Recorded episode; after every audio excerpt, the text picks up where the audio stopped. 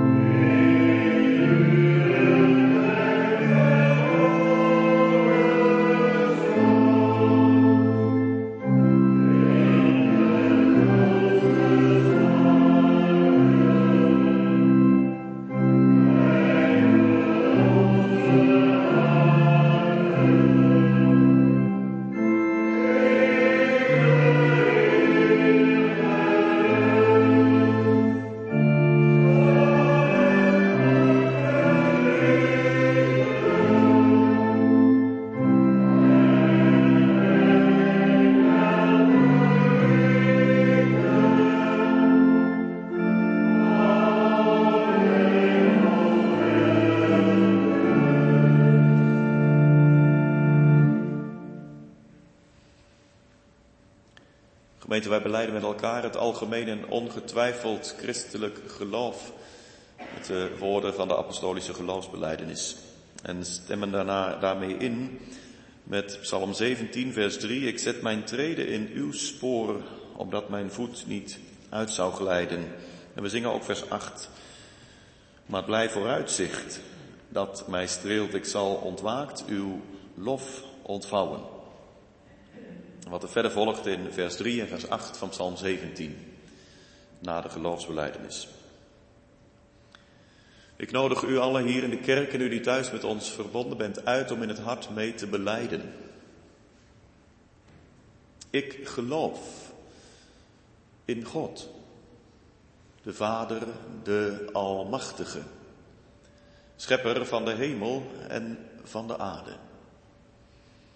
En ik geloof in Jezus Christus, zijn enige geboren Zoon, onze Heere, die ontvangen is van de Heilige Geest, geboren uit de maagd Maria, die geleden heeft, onder Pontius Pilatus is gekruisigd, gestorven en begraven, nederig gedaald ter helle die ten derde dagen wederom is opgestaan van de doden. Opgevaren is ten hemel, waar hij zit aan de rechterhand van God, de Almachtige Vader, van waar hij komen zal om te oordelen de levenden en de doden. Ik geloof in de Heilige Geest. Ik geloof één heilige, algemene christelijke kerk de gemeenschap der heiligen, de vergeving van de zonden, de wederopstanding van het vlees en een eeuwig leven. Amen.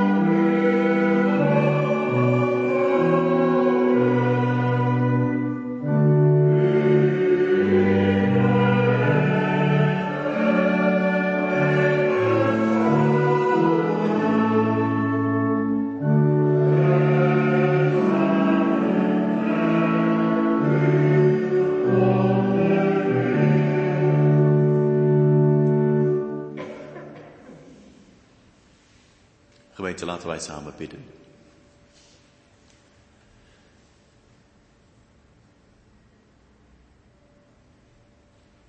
Heere onze God in de hemel, u die de Almachtige bent. Vader van en in de Jezus Christus. Op deze zondagmiddag mogen we opnieuw bijeen zijn in uw huis, als gemeente naar uw naam genoemd, rondom het woord van u. Het is vandaag zondag, uw dag.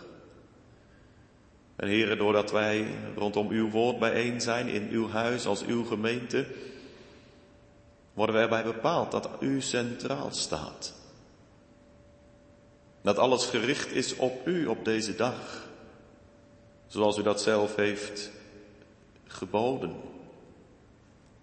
En wij danken u dat u het ons geeft.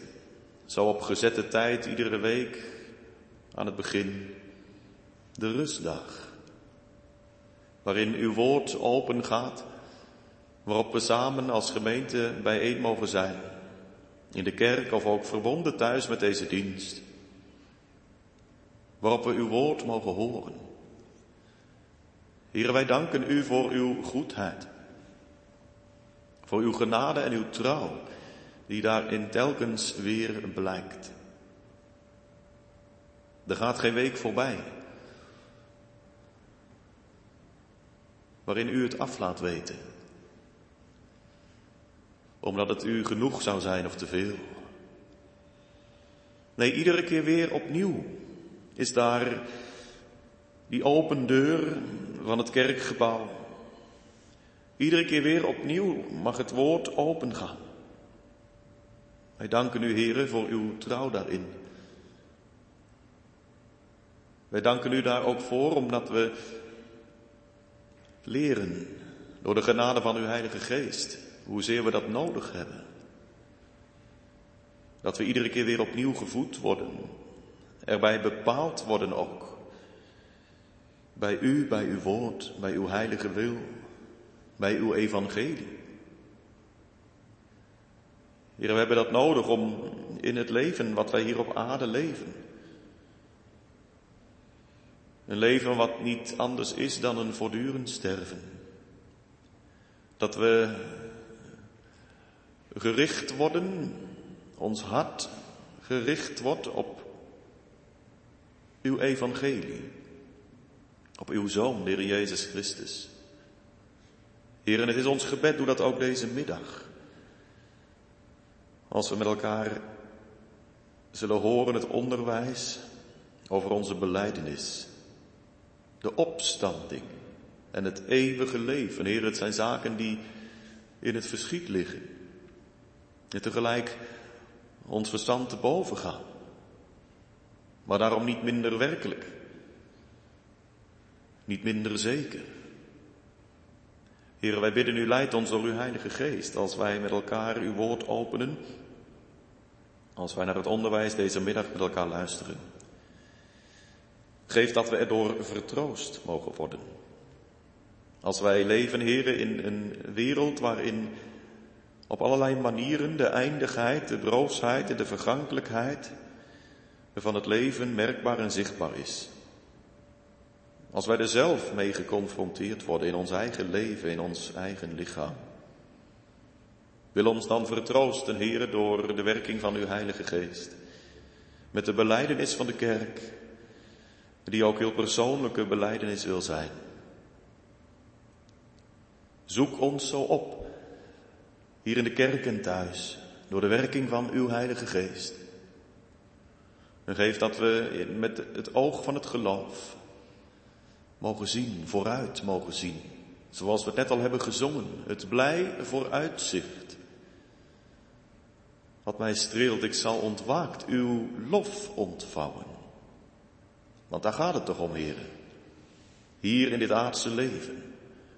Als een voorbereiding op die eeuwige heerlijkheid waar u de lof volmaakt gezongen zal worden door de tienduizend, duizendtallen engelen, maar ook al de zielen die u gezaligd hebt, die u gekocht hebt door uw dierbaar bloed, Heer Jezus Christus.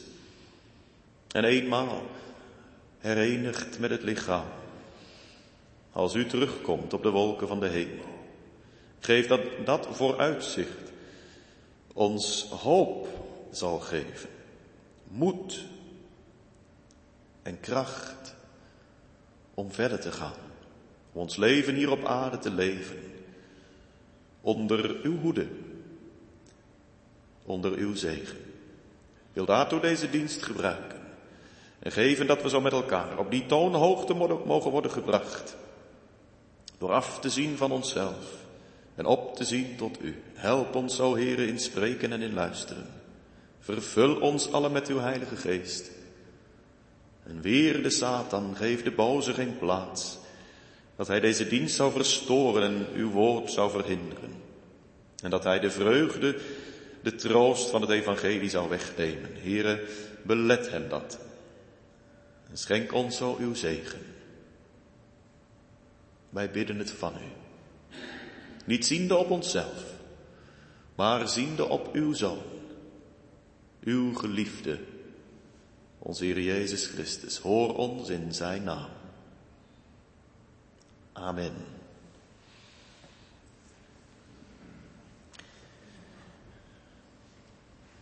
Gemeente, wij lezen twee gedeelten uit het woord van God vanmiddag. Ter voorbereiding dus op de behandeling van zondag 22 van de catechismus. Wij lezen uit het evangelie naar de beschrijving van Lucas, hoofdstuk 23, de versen 39 tot en met 43. Vervolgens uit Johannes 11, vers 17 tot en met 27. Eerst Lucas 23 vanaf vers 39.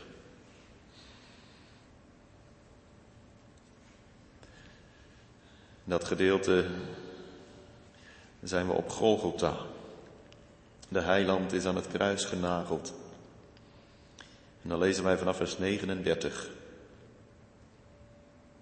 En een van de misdadigers die daar hingen, lasterde hem en zei, als u de Christus bent, verlos dan uzelf en ons.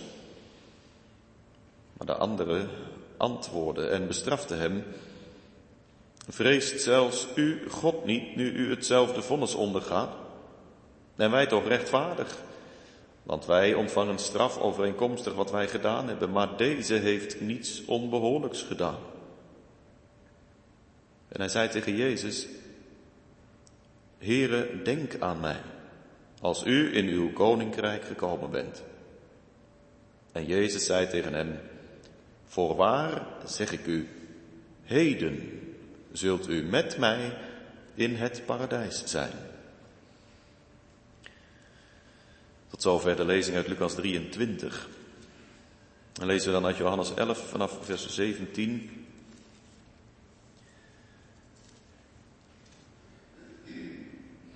Het hoofdstuk waarin beschreven wordt hoe dat Lazarus, vriend van de Heer Jezus, ziek werd en gestorven is. Dan lezen we vanaf vers 17. Toen Jezus dan gekomen was, bleek dat hij, Lazarus, al vier dagen in het graf lag. Betanië nu lag dicht bij Jeruzalem, ongeveer 15 stadia daar vandaan. En velen van de Joden waren naar Martha en Maria gekomen om hen te troosten over hun broer. Zodra Martha dan hoorde dat Jezus kwam, ging ze hem tegemoet maar Maria bleef in huis zitten. Martha nu zei tegen Jezus, Heere, als u hier geweest was, zou mijn broer niet gestorven zijn. Maar ook nu weet ik dat God u alles wat u van God vraagt geven zal. Jezus zei tegen haar, uw broer zal weer opstaan. Martha zei tegen hem, ik weet dat hij zal opstaan bij de opstanding op de laatste dag. Jezus zei tegen haar, ik ben de opstanding en het leven. Wie in mij gelooft, zal leven, ook al was hij gestorven. En ieder die leeft en in mij gelooft, zal niet sterven in eeuwigheid. Gelooft u dat? Zij zei tegen hem, ja, heren, Ik geloof dat u de Christus bent, de Zoon van God, die in de wereld komen zou. Tot zover de lezing uit het woord van de Heere voor vanmiddag. Gemeente, u krijgt nu gelegenheid uw gaven te geven in de collecten die nu gehouden zullen worden. Van harte aanbevolen. Wij gaan met elkaar zingen ter voorbereiding op de prediking van Psalm 16, de versen 3, 5 en 6. Getrouwe Heere, gij wilt mijn goed, mijn God, mijn erfenis en het deel mijns bekers wezen. En ook het vijfde vers. Daarom heeft zich mijn kwijnend hart verblijd. En het zesde, gij maakt lang mij het levenspad bekend, waarvan in druk het vooruitzicht mij verheugde. 3, 5 en 6 van Psalm 16.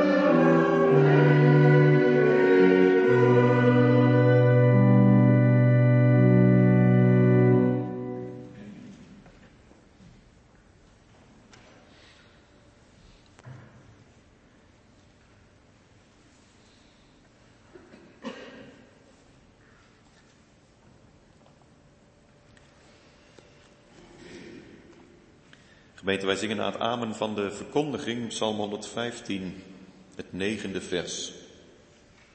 In het stille graf zingt niemand Heeren lof. Het siloos lijf gedompeld in het stof kan hem geen glorie geven. Maar onze tong zingt tot in eeuwigheid des Heeren lof. Dat is het wonderlijke zoals het dan verder gaat. Zijn roem en majesteit looft God, de bron van het leven. Het eeuwige leven. Psalm 115, het negende vers, zingen we straks na de verkondiging.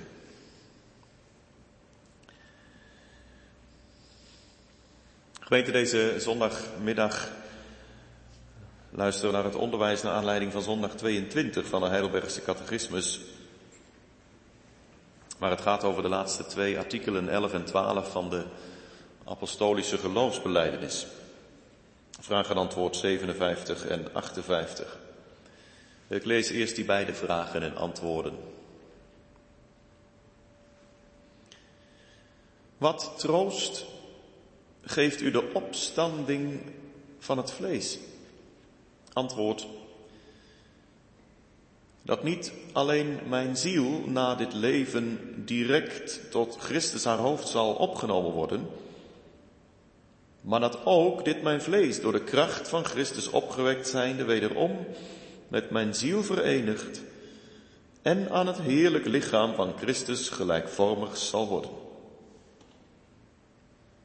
En wat troost schept u uit het artikel van het eeuwige leven? Dat ik, aangezien ik nu het beginsel van de eeuwige vreugde in mijn hart gevoel, dat ik na dit leven volkomen zaligheid bezitten zal, die geen oog heeft gezien, geen oor heeft gehoord en in geen mensenhart is opgeklommen. En dat om God daarin eeuwig te prijzen.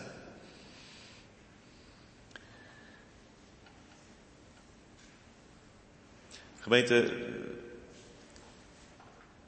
ik zet boven de verkondiging, de Heilige Geest is de trooster. De Heilige Geest is de trooster. In de eerste plaats omdat Hij het oog richt op de opstanding. En in de tweede plaats omdat Hij het hart vult met het eeuwige leven. De Heilige Geest is de trooster, omdat Hij het oog richt op de opstanding en omdat Hij het hart vult met het eeuwige leven. We komen gemeente met deze zondag toe aan de laatste artikelen van de uitleg, de behandeling van de apostolische geloofsbeleidenis in de catechismus. Ook deze zondag, zondag 22, valt nog onder het kopje zo gezegd van God, de Heilige Geest en onze heiligmaking. Zoals dat eerder is aangegeven in de catechismus in zondag 8, worden die twaalf artikelen onderverdeeld onder de Vader, de Zoon en de Heilige Geest. En al is de beleidenis over de Heilige Geest in het apostolicum heel kort, ik geloof in de Heilige Geest, toch hoort daar nog wel wat achteraan. Ook die volgende artikelen vallen onder het werk van Gods Geest. Om het onderscheid duidelijk te maken in de beleidenis, u zult dat meer gehoord hebben, gemeente, is het wel zo dat er alleen bij de beleidenis over het geloof in God, dat daar het woordje in gebruikt wordt. Ik geloof in God de Vader, in God de Zoon en in de Heilige Geest. Als vervolgens beleden wordt en ik geloof één heilige algemene christelijke kerk, staat daar niet dat woordje in. Omdat we als christelijke kerk alleen in God geloven als persoon. En daar horen de andere artikelen zo gezegd bij. Vandaar de Heilige Geest is de trooster. Hij die betrokken was bij het werk van de schepping, zoals je dat in de Bijbel leest. In Genesis, de geest van God zweefde over de wateren. Hij broedde op de wateren, kun je ook zeggen. Zo is de geest ook betrokken bij de herschepping. Als je in de Bijbel leest, in het Oude Testament, over het dal van de dorre doodsbeenderen in Ezekiel 37, dan is dat inderdaad een dal van dorre doodsbeenderen, totdat de geest daarin waait. De geest van de herschepping, van de vernieuwing van het leven. En zo wordt ook aan het slot van het apostolicum het duidelijk dat de Heilige Geest een volmaakt werk doet in de heiliging, in de vernieuwing van ons mensen, van Gods kinderen. Een volmaakt werk. Allereerst dus, naar aanleiding van vraag en antwoord 57, de Heilige Geest als de troost richt het oog op de opstanding. Het is wel opmerkelijk gemeente dat als de catechismus in zondag 22 hier spreekt over deze artikelen, dat ze twee keer het woordje troost gebruikt in de vraag. Vraag 57 en vraag 58. We zien daarin een duidelijk verband met het begin van de catechismus, zondag 1. Wat is uw enige troost in leven en in sterven? Ook daar al, in zondag 1, leven en sterven. En daar komt het uiteindelijk ook weer hier op aan. Het einde van het aardse leven. We worden ermee geconfronteerd. Vroeg of laat. Je komt er niet onderuit. Als het gaat over troost, gemeente, dan gaat het ook over verdriet. En wat is dat er niet veel in deze wereld? Vanwege de dood, inderdaad, die gekomen is in de wereld door de zonde. Iemand zei eens, elke grafsteen is een monument van verdriet. Achter elke rouwadvertentie gaan vele tranen schuil. Er gaat geen dag voorbij of in de krant staan ze wel. Troost veronderstelt verdriet. Wie kent het niet? En als er dan sprake is van een overlijden van een dierbare, ja dan zoek je troost bij elkaar als familie. Troostvolle woorden worden gesproken, worden gezocht. Maar hoe vaak merk je toch ook niet dat als mensen troosten moeten, dat ze dat maar moeilijk kunnen.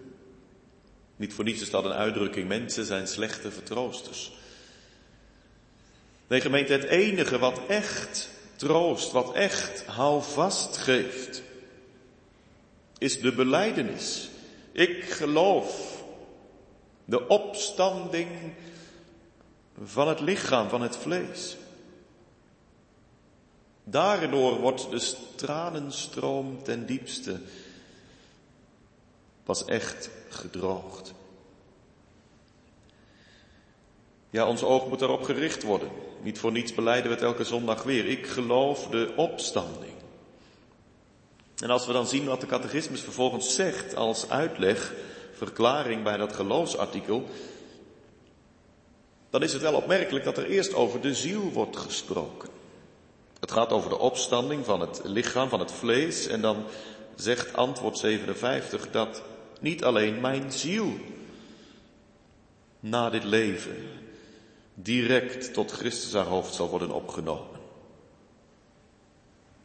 De catechismus doet dat wel bewust. En zet zich hiermee af, keert zich hier tegen een bepaalde vorm van overgeestelijkheid, die er ook in die tijd van de Reformatie al was. Een bepaalde overgeestelijke gedachte dat het alleen om de ziel zou gaan in het geloof. Een soort zielenvroomheid. Waarbij de gedachte is dat Christus eigenlijk alleen maar gekomen is om de ziel zalig te maken. De opstellers van de catechismus die hadden wel door, dat is niet bijbels. Dat is Grieks, puur Grieks denken uit de tijd van het Nieuwe Testament. En vaak geeft dat ook een hele vreemde scheiding tussen het geestelijk leven en het dagelijkse leven. Als het in het geloof alleen maar zou gaan om de ziel en dat die gered zou worden, ja, dan is het gevaar dat het zogezegd het gewone dagelijkse leven in een wereldse bedding blijft vloeien. Dat het geestelijk leven geen handen en voeten krijgt in de praktijk van alle dag. Of om het zo te zeggen, als het alleen maar gaat om de ziel en de zaligheid van de ziel, dan kan het zomaar zo zijn dat in de praktijk van alle dag toch nog ons oude ik, ons aardse vlees, het voor het zeggen heeft en bepalend is. Achter een bepaalde zielenvroomheid en daaronder kan zich zomaar een grof materialisme handhaven. Gemeente, dat is er echt niet alleen maar in de wereld. In de maatschappij waarin wij leven, waar de meeste mensen al lang vergeten lijken te zijn dat de mens een ziel heeft. Je merkt dat aan de manier waarop er gesproken wordt en de dingen waarover er gesproken wordt. Men spreekt over niet anders dan over dagelijkse materiële dingen vaak. Het gaat over voedsel, over kleding, over allerlei dingen. Mensen klagen in de wereld niet anders dan over dure tijden en hoge belastingen, maar van de geestelijke nood van de wereld en van zichzelf, daar hebben veel mensen geen flauw benul van. En ik zeg het nu even bewust zo in de zin van de wereld en zij die daar zijn, in onderscheid van u, jou en mij, in de kerk, zoals we hier zijn. Zo is het bij ons toch niet, gemeente. Het besef dat wij als mensen een ziel hebben, dat leeft toch bij de gelovigen. De catechismus gaat daar dus op in tegen zo'n valse scheiding en tegenstelling tussen ziel en lichaam. Daarom die inzet van antwoord 57. Dat niet alleen mijn ziel na dit leven direct tot Christus haar hoofd opgenomen wordt. Het gaat, zo zegt ook zondag 1 al, nog een keer, vanaf het begin om lichaam en ziel beide. In zondag 1 staat het lichaam zelfs voorop. Wat is uw enige troost in leven en sterven? Dat ik met lichaam en ziel in leven en sterven het eigendom ben van de Heer Jezus Christus. De Heer Jezus is gekomen om ons mensen met huid en haar zalig te maken. Het lichaam is een tempel van de Heilige Geest. De ziel kan het lichaam niet missen. Zoals een schilder zijn penseel en een schrijver zijn pen niet kan missen, kan de ziel het lichaam niet missen. Lichaam en ziel zijn onlosmakelijk met elkaar verbonden. En dat wil de catechismus in navolging van de Bijbel dus hier in evenwicht houden of weer brengen. Tegelijk is er wel een onderscheid tussen lichaam en ziel gemeten. Dat zal duidelijk zijn. Immers het lichaam van een mens sterft op een bepaald moment. Maar de ziel van de mens sterft niet.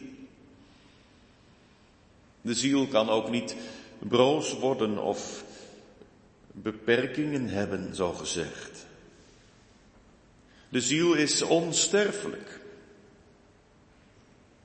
De heiland zegt zelf, wat baat het een mens als hij de hele wereld wint, maar schade leidt aan zijn ziel. De ziel is in die zin meer dan heel de wereld waard zou zijn. Ja, wat is eigenlijk onze ziel?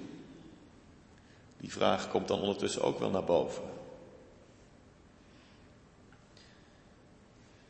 Gemeente, onze ziel, het is ons eigen ik, zo zou je het kunnen zeggen. Of zoals iemand anders het zegt, het is de, de binnenkamer van je hart. Onlosmakelijk verbonden met een lichaam, wat we van de Heer hebben gekregen. Ja, pas bij het sterven treedt daar een scheiding op tussen lichaam en ziel. Het wordt zichtbaar gemaakt, althans, zo wil ik dat dan maar duiden, dat wanneer iemand overlijdt, zo zeggen we dat dan vaak, dat zijn ogen breken. De ziel heeft het lichaam verlaten. En dan zeggen we het ook wel, hij of zij is er niet meer. Jawel, het lichaam is dan nog hier, dat zal begraven worden, maar de ziel niet meer hier. Die wordt, zo zeggen we dus met de catechismus, direct na dit leven tot Christus haar hoofd opgenomen. Bij het sterven worden lichaam en ziel gescheiden, ja. Elk sterven werpt daarmee dus nog een schaduw over het werk van Christus. Elke gang naar de begraafplaats moet een gebed zijn om zijn komst. Want dan zal de verlossing die hij bewerkt heeft, verdiend heeft, voltooid worden. De ziel, gemeente, gaat direct naar de hemel. Als je de Bijbel erop naleest, dan ontdek je wel dat we niet zoveel weten over hoe dat zal zijn na het sterven. Maar dit dus wel. Dat er geen moment zit tussen het sluiten van de ogen hier op aarde en het opslaan van de ogen, zo gezegd, in de hemel van Gods kinderen. Wanneer de nabestaanden hier op aarde in tranen uitbreken, heft de gelovige in de hemel de lofzang aan voor Gods troon. De ziel wordt opgenomen.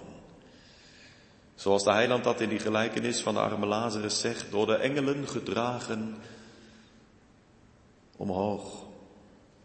En ook die moordenaar aan het kruis kregen te horen, we lazen het in Lucas 23, heden, vandaag nog, direct zult u met mij in het paradijs zijn. Direct dus. Niks, geen sprake van een, van een louteringstijd, van een tussenperiode, van een vage vuur of wat er allemaal niet bedacht is. Nee, direct is daar de vereniging de ontmoeting zou je ook kunnen zeggen met Christus haar hoofd. Heeft u in de gaten gemeente dat het daar ook om gaat dus? Om de vereniging, om de ontmoeting met haar hoofd, de Heer Jezus Christus. We kunnen dus daarom ook in de eerste plaats niet direct zeggen dat dat hij of zij die ons ontviel naar, naar zijn geliefde is gegaan, die voorging. Nee, naar Christus toe. Daar gaat het om.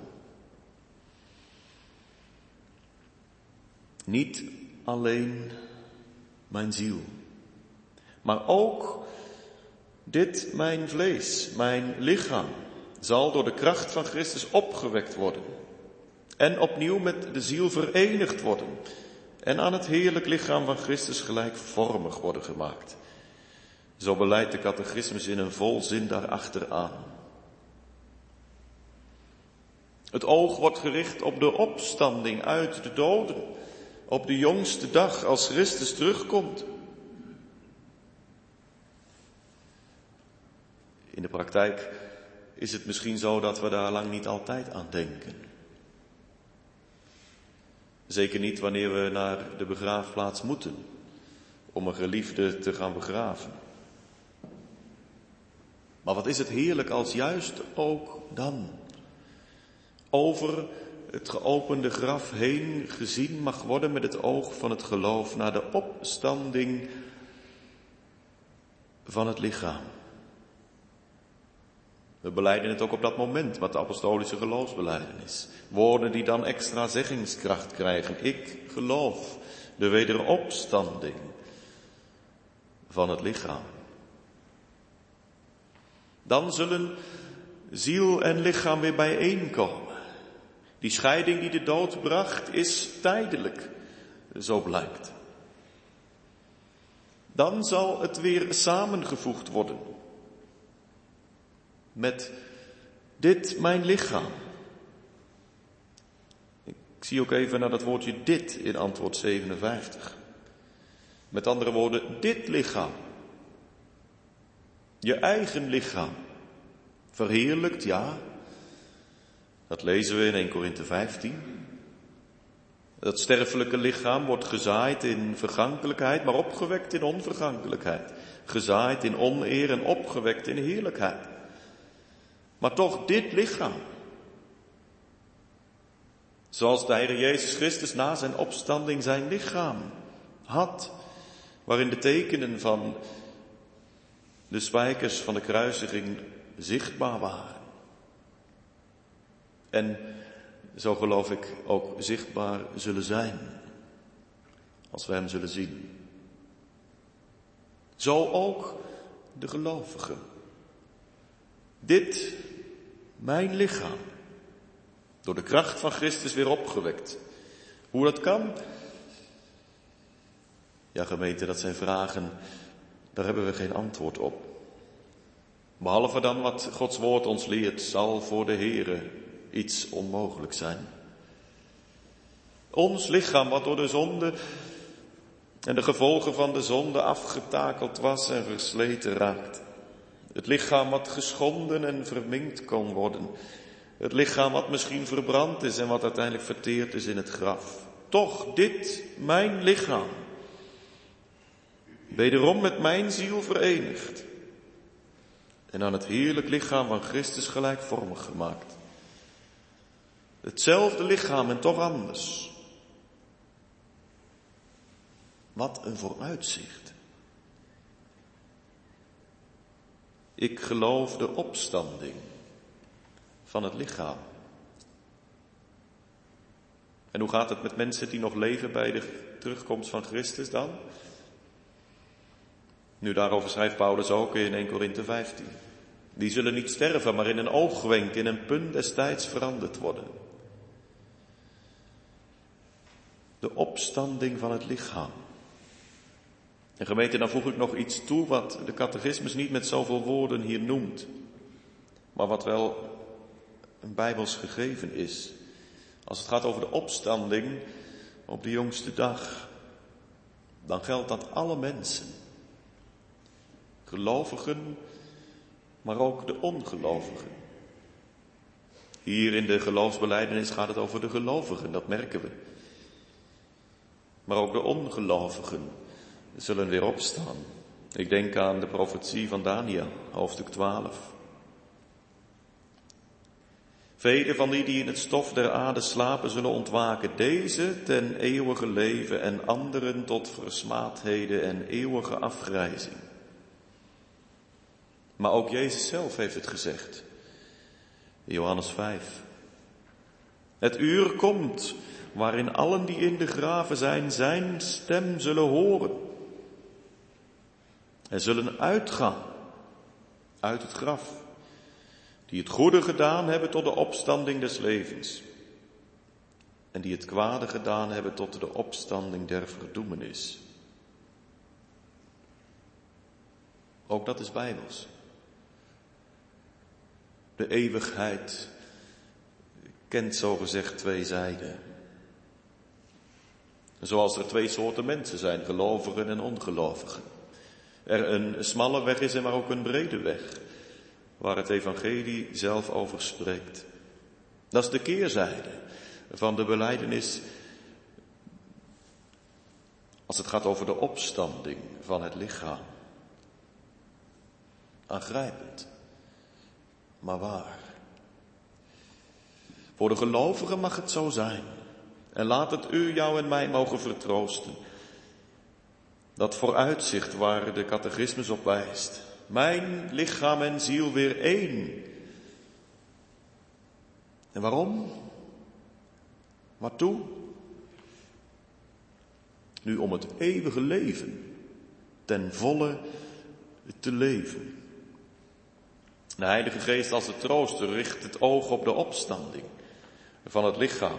Maar de Heilige Geest vult ook het hart met het eeuwige leven. Mag ik het eens zo vragen, gemeente? Bent u een opgewekt mens? Opgewekt in de zin van, in de geestelijke zin? Het eeuwige leven, deelachtig? Tegelijk mag dat dan ook vreugde geven. Daarover gaat het hier in antwoord 58. Wat troost schept u uit het artikel van het eeuwige leven? Dat is het antwoord dat aangezien ik nu het beginsel van de eeuwige vreugde in mijn hart gevoel. Het eeuwige leven heeft alles te maken met de eeuwige vreugde. Denk maar aan wat de Heer Jezus zegt. In die gelijkenis van de dienstknecht die zal komen. Ga in in de vreugde van uw Heere. De laat ons hier zien, gemeente, dat er een nauw verband is tussen het leven hier en nu en straks en daar. Het beginsel van de eeuwige vreugde nu al in mijn hart gevoel. Zo groot is het verschil dus ook weer niet tussen het leven hier en nu en straks en daar. Zoals het wel eens gezegd wordt, als een christen sterft, verandert hij wel van plaats, maar niet van gezelschap. Als een christen sterft, verandert hij wel van plaats, maar niet van gezelschap. De verbondenheid met Christus door het geloof wordt niet verbroken bij het sterven. Maar dat begin van de eeuwige vreugde die hier en nu op aarde in het hart al wordt ontvangen, zal dan volmaakt en volkomen zijn. Een volkomen zaligheid wacht. Nou, nu al het begin. Zoals je een bloem hebt die eerst nog in de knop zit. Alles zit er al in. Het moet alleen nog open gaan. Zo is daar nu in dit aardse leven al het begin van de eeuwige vreugde. Die dan volmaakt open zal bloeien. Nu al in beginsel, dan volkomen. Gemeente, wat een vooruitzicht. Als gouden de portalen zijn, hoe zullen dan de zalen zijn? Als je nu al soms die heerlijke vreugde van het geloof mag ondervinden, hoe zal het dan zijn? Het vrome volk in u verheugt, zo zingt de psalm, zal huppelen van zielevreugd, daar zij hun wens verkrijgen. Hun blijdschap zal dan onbegrensd, onbepaald, door het licht dat van zijn aangezicht straalt ten hoogste toppunt stijgen. Nu al in beginsel, dan volmaakt. Ja, hoe dat zijn zal, de catechismus zegt het in navolging van de schrift. Geen oog heeft het gezien, geen oor heeft het gehoord, in geen mensenhart is het opgeklommen. De heerlijkheid van het eeuwige leven, de vreugde daarvan gemeente, het is onvergelijkbaar. Maar als je er nu al iets van hebt geproefd, dan mag je toch weten dat het goed zal zijn. Het gevoelen in het hart. Het is de vreugde van het doen van de wil van God. Het is de vreugde, het vooruitzicht van dan volmaakt God te dienen. Geen zonde meer te doen. Dan nooit meer in te gaan tegen zijn heilige bedoelingen. Nooit meer de Vader in de hemel te bedroeven met de tekortkomingen die je als mens op aarde hebt. Dan volkomen. Wat troost schept u uit het, het eeuwige leven. Dan zul je de Heere volmaakt dienen. Daar eindigt het mee. Hoe het precies zal zijn, ja, dat weten we niet. Maar wat de bedoeling is, dat weten we wel. Om God daarin eeuwig te prijzen. Om dan de Heere de lof toe te brengen die hem toekomt. En die hij hier in deze wereld nog maar vaak zo karig krijgt, ook van zijn kinderen. Om dan de liefde volmaakt te beantwoorden die God nu al aan zijn gelovigen geeft in de Heer Jezus Christus. Dan zul je hem nooit meer tegenvallen. Nooit meer verdriet doen. Nooit meer God op het hart trappen. De volkomen zaligheid. Verschillende liederen zingen daarvan. Je probeert er iets van onder woorden te brengen, hoe dat dat zijn zal en zijn moet. U kent ze wellicht. Welk een vreugde zal dat wezen, straks vereend te zijn met Hem in die stad met parelen in het nieuw Jeruzalem. Daar zal ik mijn Heere ontmoeten, luisteren naar Zijn liefdestem. Daar geen rouw meer en geen tranen in het nieuw Jeruzalem. Wat een machtig perspectief, het blij vooruitzicht, wat mij streelt. Ik zal ontwaakt uw lof ontvouwen. Zo zongen we het met elkaar. Of zoals een ander oud lied het zegt.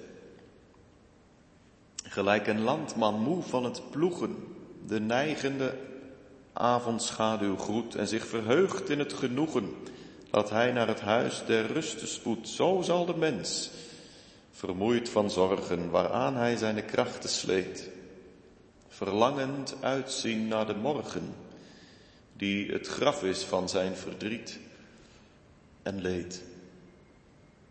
Al is het einde ook verborgen voor het oog dat door geen nevels ziet, God zal voor onze toekomst zorgen. Zij die geloven haasten niet. Geloofd zij God. Hij zal ons schenken een toekomst beter dan het graf.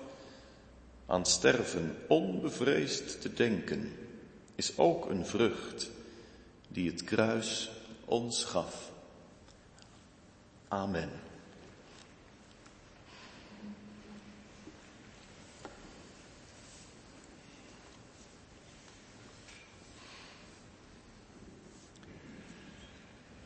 Laten wij samen zingen, zoals gezegd, Psalm 115, het negende vers.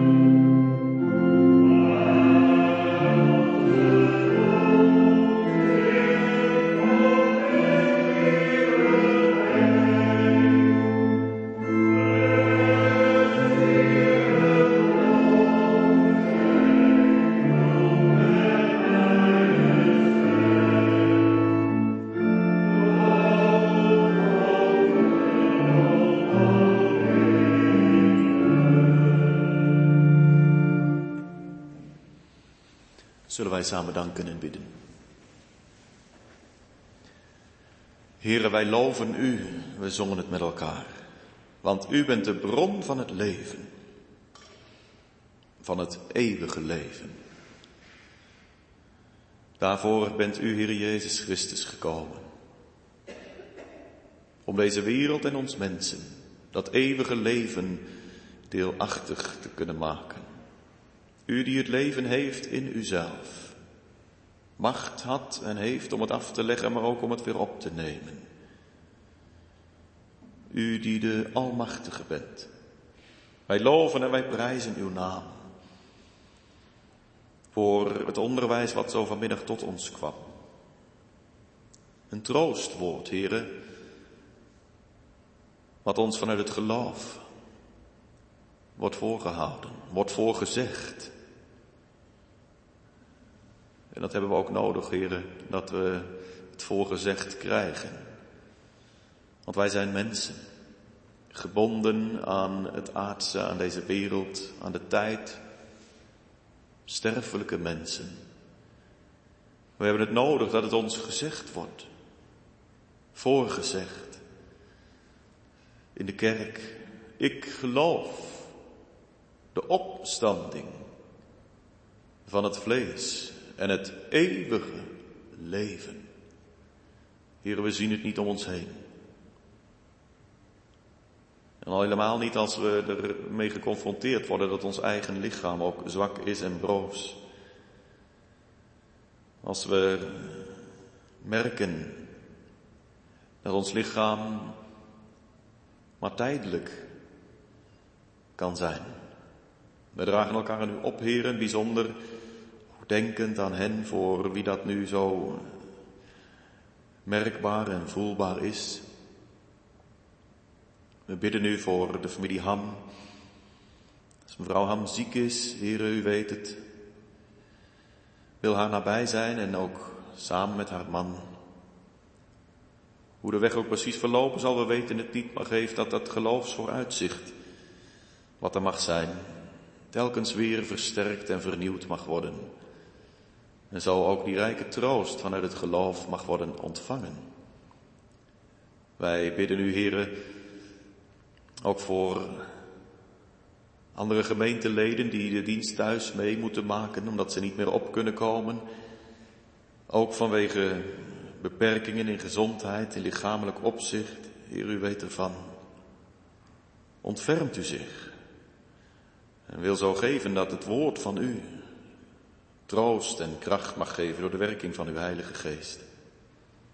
En dat het vooruitzicht, de beleidenis van het geloof, die we zo vanmiddag mochten horen, ook in de avond van het leven, alles geeft wat nodig is om u in alles te danken, te loven en te prijzen om wie u bent, om wat u gedaan heeft, om wat u doet, om wat u zult doen. Heren, schenk geloof aan ons allen, hier in de kerk en thuis. Bevestig het geloof, verdiep het geloof, verbind ons, Heren, des te meer en meer aan uw Zoon, Heer Jezus Christus. Opdat we zo door dit aardse leven aan zijn hand mogen gaan, ons veilig mogen weten in zijn hoede en ons straks opgenomen mogen weten in zijn heerlijkheid. Zo dragen we hier het geheel van de gemeente aan u op. En danken wij u voor de rijkdom van uw evangelie. Wij bidden u, heren, voor het werk van zending en evangelisatie. Laat dit evangelie de wereld mogen overgaan en ook in onze eigen omgeving, heren, het mensen opnieuw mogen bereiken. Geef, heren, dat de kerk zo tot een licht mag zijn in een duistere wereld. Wij bidden u voor onze overheid in ons vorstenhuis. In hoogheid geroepen, met verantwoordelijkheid. Schenk, heren, daarin uw zegen, wijsheid, door uw heilige geest. Wij bidden u, heren, schenk vrede in deze wereld. Aardse vrede, heren, die, die beperkt is vaak. Maar toch zo'n zegen mag zijn. Wil het ook geven op al die plaatsen waar nu geen vrede is, maar oorlogsgeweld heerst. Geef heren dat daar, juist ook door de christelijke kerk, de gemeenten, tekenen van hoop en van vrede mogen worden gegeven en uitgedeeld.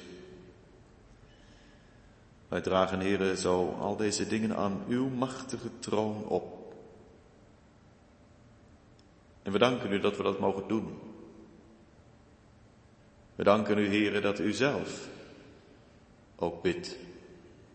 Zoals u het in het woord het ons ook zegt. Dat u, Heer Jezus Christus, altijd leeft. Om ook voor ons te bidden. Vader, Zoon en Heilige Geest, zo loven en prijzen wij uw machtige, uw heilige naam. Vergeef ons, Heer, ons ongeloof en ons klein geloof. Vervul ons zo met uw genade en uw zegen. Wij bidden en danken u dat alles in de naam van uw Zoon, onze Heer Jezus Christus, uit genade. Amen.